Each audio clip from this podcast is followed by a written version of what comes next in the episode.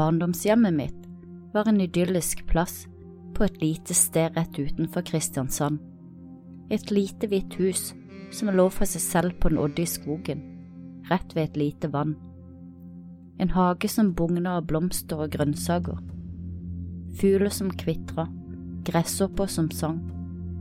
Men det var også et hus fylt med mørke energier. En følelse av å bli overvåka, hår som reiste seg i nakken, og hendelser vi ikke kunne forklare. Her er min historie om mitt hjemsøkte barndomshjem.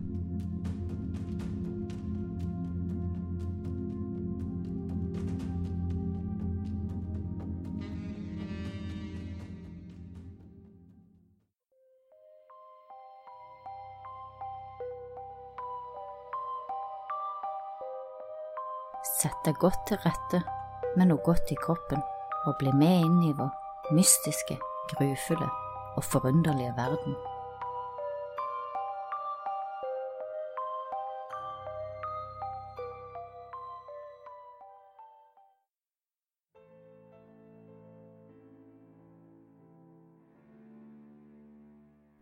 Den aller første gangen jeg opplevde noe i huset, husker jeg veldig godt. Jeg må ha vært rundt elleve år gammel. Pappa og jeg bodde alene, og det var nettopp blitt slutt med kjæresten hans. Jeg hadde en periode hvor jeg elsket å lage hytte inne på rommet, og siden mine eldre søsken var flytta ut, og det kun var meg igjen, så trengte vi ikke lenger fire soverom i andre etasjen. Så pappa slo ut veggen mellom to av rommene og laga en bua inngang, slik at jeg fikk to soverom i ett, og med det ett stort rom. Døra til rommet mitt lå i det første rommet, og så sov jeg i det innerste. Det var ikke større enn at jeg da lå to–tre meter fra døren, med kun buen imellom. Hytten hadde jeg bygget av tepper og noen hyller, og her hadde jeg pakka meg godt inn med dyner og puter. Jeg var sånn halvveis våken da jeg hørte at det banka på soveromsdøren. Jeg var som sagt bare halvveis våken, og husker at jeg tenkte, pappa skal sikkert mase om noe, og jeg orker ikke å stoppe ennå. Med det tenkt gadd jeg ikke å besvare banken når vi kom inn. Jeg hørte at døra gikk opp, og at han gikk igjen. Jeg så for meg pappas hode som kikka inn, så hytten og antok at jeg sov, før han lukka døra igjen. Jeg fikk selvsagt ikke sove igjen. Jeg er og har alltid vært den typen som forblir våken når jeg først våkner. Jeg er også veldig nysgjerrig av meg, så etter noen minutter ble jeg selvfølgelig veldig nysgjerrig på hva det var pappa egentlig ville. Tenk om det faktisk var noe gøy, som å gå på butikken eller på besøk til noen. Så jeg sto kjapt opp, kledde på meg og gikk bort til pappas soverom, hvor jeg overraskende nok hørte at han hosta. Hadde han gått og lagt seg igjen? Jeg banket på døren og stakk hodet inn. Pappa lå der med en røyk på sengekanten. Hva hva det du lurte på? spurte jeg pappa. Hæ? sier han med sånn halvgroggy nettopp våkna stemme. Hva var det du ville, gjentok jeg. Du var jo og banka på hos meg for noen minutter siden. Pappa kikker av på meg. Nei, det var jeg ikke. Jeg våkna jo nettopp, du må nok ha drømt, sa han. Tankefull og med en ubehagelig følelse i kroppen gikk jeg tilbake på rommet, for jeg var, og er, fremdeles helt sikker på at jeg ikke drømte. Etter dette husker jeg ikke hvilken rekkefølge, men det skjedde flere ting som jeg den dag i dag ikke kan forklare. En annen gang, antageligvis ikke så lenge etter den første episoden, var pappa og jeg hjemme alene igjen. Huset vårt lå i enden av en blindvei. Vi bodde på ei halvøy, så bortsett fra veien var det vann og skog rundt oss. Ved enden av veien lå et stort, tomt jorde, snuplassen vår og en liten singelbakke som leder opp til huset. Utenfor huset vårt var det terrasse på forsiden med en påfølgende plen som gikk ned til parkeringsplassen, og hele venstresiden av huset besto av terrasse. På høyresiden gikk det en singelvei med blomsterbed, og på baksiden av huset så man åpent ut mot vannet og vannet var heller ikke langt unna på verken høyre eller venstre side av huset.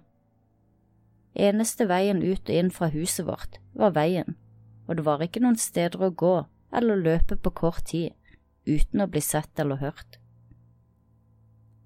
Som sagt var meg og pappa alene hjemme. Det var sommer, himmelen var blå, og ute var det varmt og vindstille. Jeg er oppe på rommet og holder på å rydde, mens pappa er nede og holder på med sitt i stuen. Plutselig hører jeg et smell, et skikkelig høyt smell.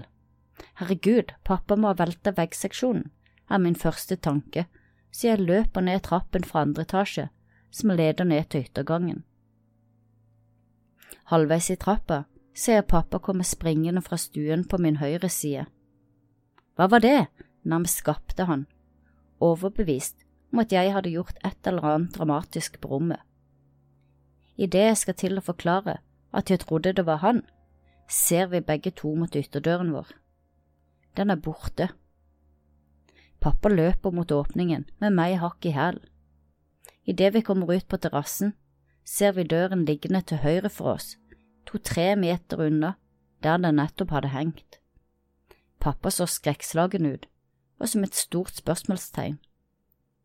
Vi kikker rundt oss og verken ser eller hører noen, og alt skjedde på kort tid, så ingen kunne rukke å springe uten å bli oppdaget.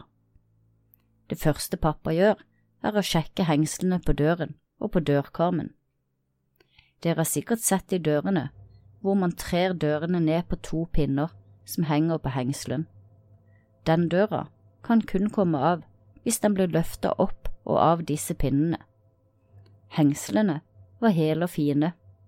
Pinnene var ikke bøyd, og ingenting var ødelagt. Og det var helt vindstille ute, men selv vinden tror jeg ikke kunne løftet opp en dør fra hengslene og kastet den bort på terrassen, uten en eneste skade på karmene. Hadde noen gjort dette for å skremme oss? Vi bodde såpass øde til at sannsynligheten for det var ganske liten. Og som nevnt, vi verken hørte eller så noen, verken da eller resten av dagen. Pappa var langt ifra overtroisk, så hvilket svar han slo seg til ro med, aner jeg ikke. Vi pratet ikke om det. Han likte ikke å prate om slikt, men etter noen år var også han overbevist om at huset var hjemsøkt, selv om han ikke sa det høyt bortsatt fra når han hadde drukket litt. Etter hvert så solgte han huset, og jeg tror at det var en medvirkende faktor. En annen hendelse som skjedde, var også på rommet mitt. På utsiden av døren min hadde jeg en Donald Duck-plakat, en stor blå plakat med et bilde av en blid Donald Duck. En morgen jeg hadde vært på do, la jeg merke til noe på plakaten idet jeg gikk inn igjen på rommet mitt. Det var skrevet noe på den. Jeg skrudde på lyset i gangen for å kunne se bedre. Oppe i høyre hjørne på plakaten kunne jeg lese følgende Takk for de tid, og det var undertegnet med et navn Poluf. Skriften var som en litt eldre løkkeskrift. T-en var stor, og P-en i Poluf var også med en stor runding og krøll ned i enden på streken. Jeg tolket teksten til å bety takk for din tid, hvor takk var skrevet med én K, og tid var skrevet TIT, og de var skrevet med DI. Den første jeg spurte, var selvfølgelig min far, om det var han som hadde skrevet det. Han benektet det, og mente det måtte være noen av mine venner som hadde tullet. Jeg visste at det ikke stemte. Jeg visste at ikke det sto noe på plakaten før jeg gikk og la meg om kvelden.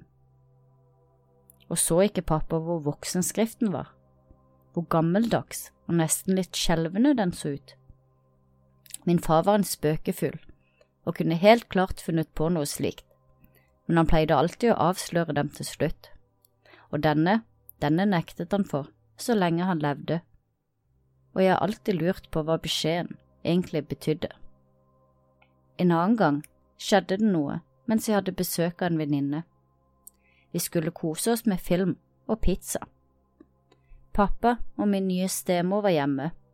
Det var sommer, så de satt ute og nøyt solen på terrassen. Jeg gikk ned og skrudde på stekeovnen og spurte min stemor om hun kunne sette inn pizzaen når ovnen var varm, og gi meg beskjed, så skulle jeg selv ta tiden på den. Etter hvert så syntes jeg det hadde tatt veldig lang tid, og begynte å lure på om min stemor hadde glemt bort hele pizzaen. På veien ned trappa hører jeg at pappa er i dusjen. Han likte å synge litt når han dusja, og så kjente jeg umiddelbart igjen lukten av Grandiosa. Jepp, Grandiosa fantes da jeg var tenåring, nemlig, og vi digga den. Jeg går inn på kjøkkenet, åpner ovnen og ser at pizzaen er akkurat på grensa til å bli svidd. Jeg røsker den ut av ovnen og kjenner jeg blir skikkelig irritert på min stemor. Jeg tramper ut på terrassen og spør hvorfor hun ikke sa ifra, og at nå var pizzaen nesten ødelagt. Hun ser på meg forfjamset før hun sier, men er det ikke du som har satt den inn selv, da? Jeg gikk inn på kjøkkenet for å sette den inn, men da sto den allerede i ovnen. Du kødder, utbryter jeg, det er ikke morsomt. Hun sverget opp og ned. Det må være pappa, da, tenkte jeg, og sto furtent og ventet til han var ferdig på badet. Satte du inn pizzaen? spurte jeg med streng stemme, men også han nektet for å ha gjort det, og har siden alltid nektet for det. Etter hvert som jeg ble eldre, lærte jeg at jeg ikke var alene om å oppleve ting i huset. En stund var jeg overbevist om at det måtte være mamma som gikk igjen i huset. Hun hadde tatt livet sitt i stuen på sofaen, og den sofaen hadde jeg på rommet mitt, en eldre sort skinnsofa. Eller kanskje var det Jan, vennen som pappa hadde tatt livet av ved et uhell i fylla bare seks måneder før mamma døde. Men det var før jeg lærte at det var flere som hadde opplevd ting i huset, også før mamma og Jans død. Flere kunne fortelle at de ofte hørte fotskritt i trappa når de hadde vært på besøk, selv om det ikke skulle være noen andre hjemme. Jeg husker en historie som ble fortalt. Min onkel noen flere hadde festet i huset og ventet på besøk fra en som skulle komme. De hører at det går i døren, og ser og hører en skygge som går opp trappen. Vi hadde stuedør med sånn blurry glass, du kunne se konturer og bevegelse gjennom dem, men ikke noe klart og tydelig bilde. Først så tenkte de at besøket deres skulle tulle med dem og sikkert snart kom ned igjen. Da han ikke kom ned, antok de at han hadde vært så full at han hadde gått opp og sovnet. Men da de gikk opp, fant de til sin store overraskelse et tomt rom. Det var ingen der oppe. Alle som hadde vært i stuen, hadde hørt og sett at noen gikk opp trappen. Neste dag hadde besøket som de ventet, ringt for å beklage at han ikke hadde kommet kvelden før. Han hadde sovnet hjemme. En annen episode som skjedde, var da meg, pappa og min stemor var hjemme alene. Det var nok en sommerdag, skyfri himmel og ingen vind. Pappa sto ute og arbeida i blomsterbedene på venstre side av huset, der hvor vi hadde terrasse hele veien. På den siden av huset, i andre etasje, var pappas soverom og gjesterommet. Mens pappa står i bedet, lander det plutselig masse vann på terrassen rett bak ham. Hans første tanke var at min stemor må ha vasket på rommet deres og kastet bøtten med vann ut av vinduet. Idet han tenker det, ser han min stemor i stuevinduet nede med et like forfjamset uttrykk. Etter dette ble det vanskelig for min far å finne noen naturlig forklaring på hvor alt vannet kom ifra. Og en morgen min stemor sto opp og gikk på kjøkkenet, var det skjedd noe rart med kjøleskapet. Vi hadde et sånn ganske lavt kjøleskap, uten frys, og du må huske at dette er 30 år siden. Når jeg sto foran kjøleskapet, kunne jeg se toppen av det hvis jeg strakk meg på tå og jeg verken var eller er spesielt lang med mine 157 centimeter. På toppen kunne du se en sånn metallstang som strakk seg fra toppen av kjøleskapet og over til kjøleskapsdøren, for å holde de to delene fast i hverandre, antar jeg. Den morgenen var denne metallstangen bøyd oppover, vekk fra kjøleskapsdøren, som om noen hadde tatt noe under stangen og bare bøyd den oppover. Nok en gang skjønte pappa ingenting, og heller ikke her kunne han finne noen naturlig forklaring på hva som hadde skjedd. Den var jo helt fin kvelden før, og en skrudd metallstang skal jo ikke kunne bøye seg opp på egen hånd. Det finnes helt sikkert flere historier som andre i familien har opplevd, som jeg ikke kjenner til, og det er helt sikkert flere ting jeg selv har glemt også. Jeg kjenner noen som kjenner de som overtok huset etter oss, og har blitt fortalt at de også har opplevd en del merkelige ting der. Det jeg likevel husker aller best fra barndomshjemmet, er følelsen. Veldig, veldig ofte, når jeg gikk opp trappen til rommet mitt, eller gikk fra gården ute og opp mot inngangsdøren, så fikk jeg en veldig sterk følelse av at noen var rett bak meg og kom til å hugge tak i meg hvert øyeblikk. En skikkelig følelse av ubehag. Veldig ofte endte det med at jeg løp opp trappen, kastet meg inn i sengen og under dyna, som for å lukke ryggen inne, trygt under dyna.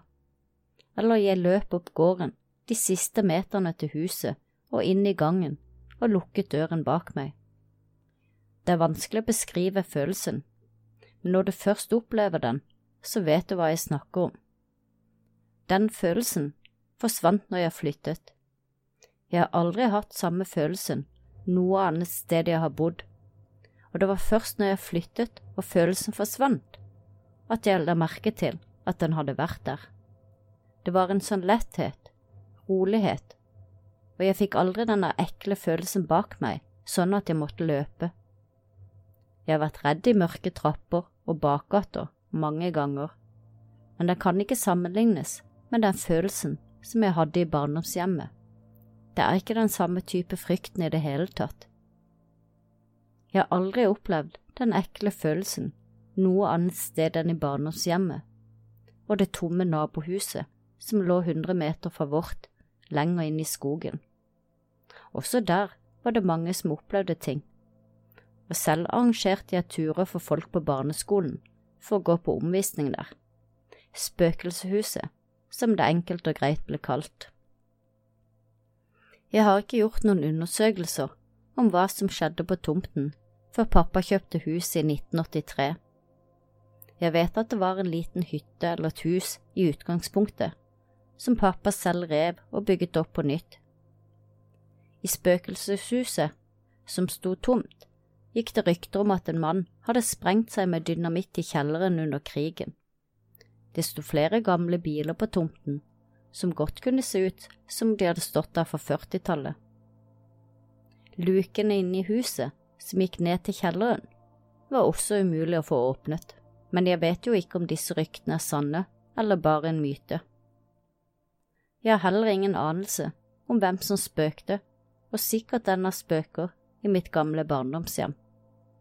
Det kan jo ikke ha vært mamma og Jan, slik jeg først trodde, da flere opplevde ting der før deres bortgang. Jeg tror heller ikke mamma ville skapt en slik ekkel energi som huset besto av, om det var hun som hadde gått igjen. Jeg vet at jeg får lov å komme på omvisning i huset. Eieren har sagt at jeg er hjertelig velkommen siden jeg kjenner noen som kjenner han. Ikke for å sjekke etter spøkelser, men for å se igjen plassen, og jeg har vurdert om jeg skal gjøre det. Det hadde vært veldig spennende å se om huset gir den samme følelsen i dag som da jeg selv bodde der. Men så er det kanskje slik at noen ganger er det bedre å bare la ting være. Hvem vet, kanskje har husets mørke hemmelighet savnet meg også.